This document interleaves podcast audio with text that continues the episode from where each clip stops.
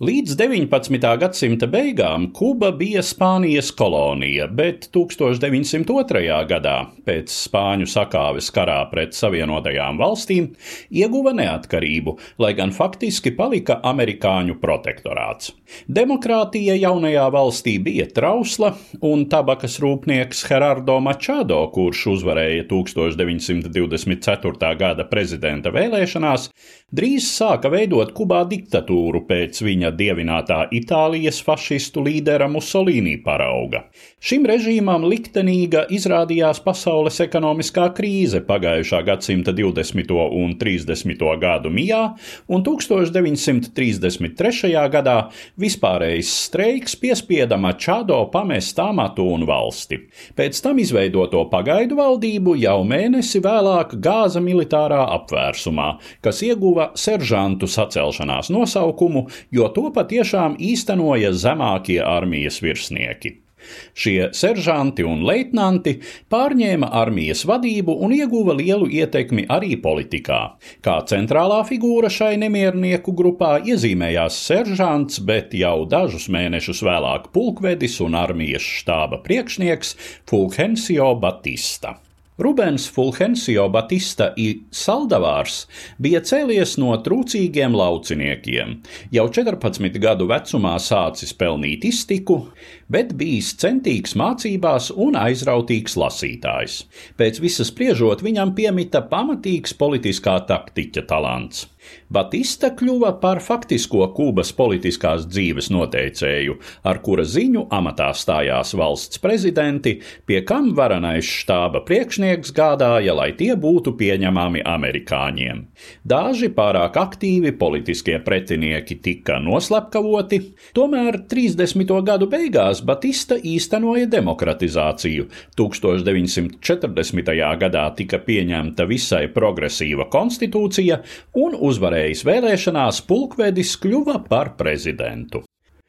Četri gadi, kurus viņš pavadīja šai amatā, Kubai bija uzplaukuma laiks, kad sala apgādāja ar cukuru un citām izēvielām antihitleriskās koalīcijas valstis.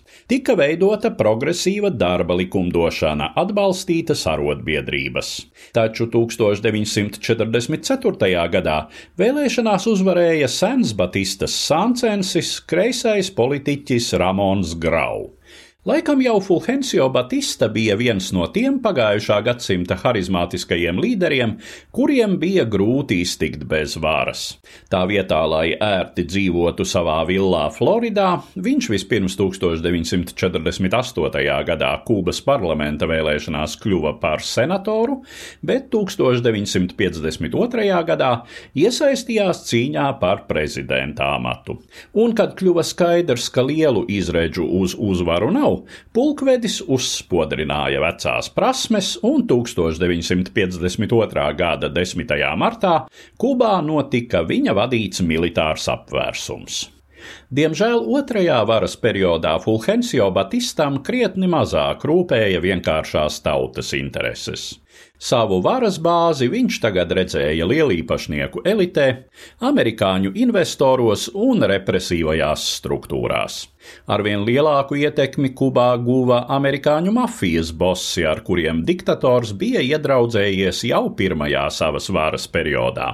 Havana bija azartspēļu, narkotiku un prostitūcijas paradīze naudīgiem turistiem. Mafijas bossi dāsni maksāja prezidentam un arī zemāka ranga varas vīriem, korupcija pieauga neiedomājamos apmēros. Tikām bezdarbs sasniedza 25%, apmēram puse bērnu valstī neapmeklēja skolas. Režīms kļuva vēl represīvāks, aizdomās turamo spīdzināšana un policijas veiktas slepkavības kļuva par ierastu lietu.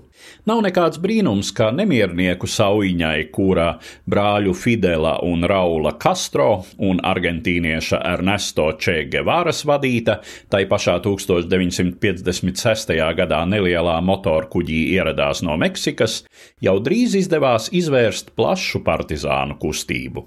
19 1959. gada 1. janvārī diktators Batista un viņa tuvākie līdzgaitnieki bēga no Kubas, un jau nākamajā dienā galvaspilsētā iemaršēja kreiso nemiernieku armija uz ilgu palikšanu.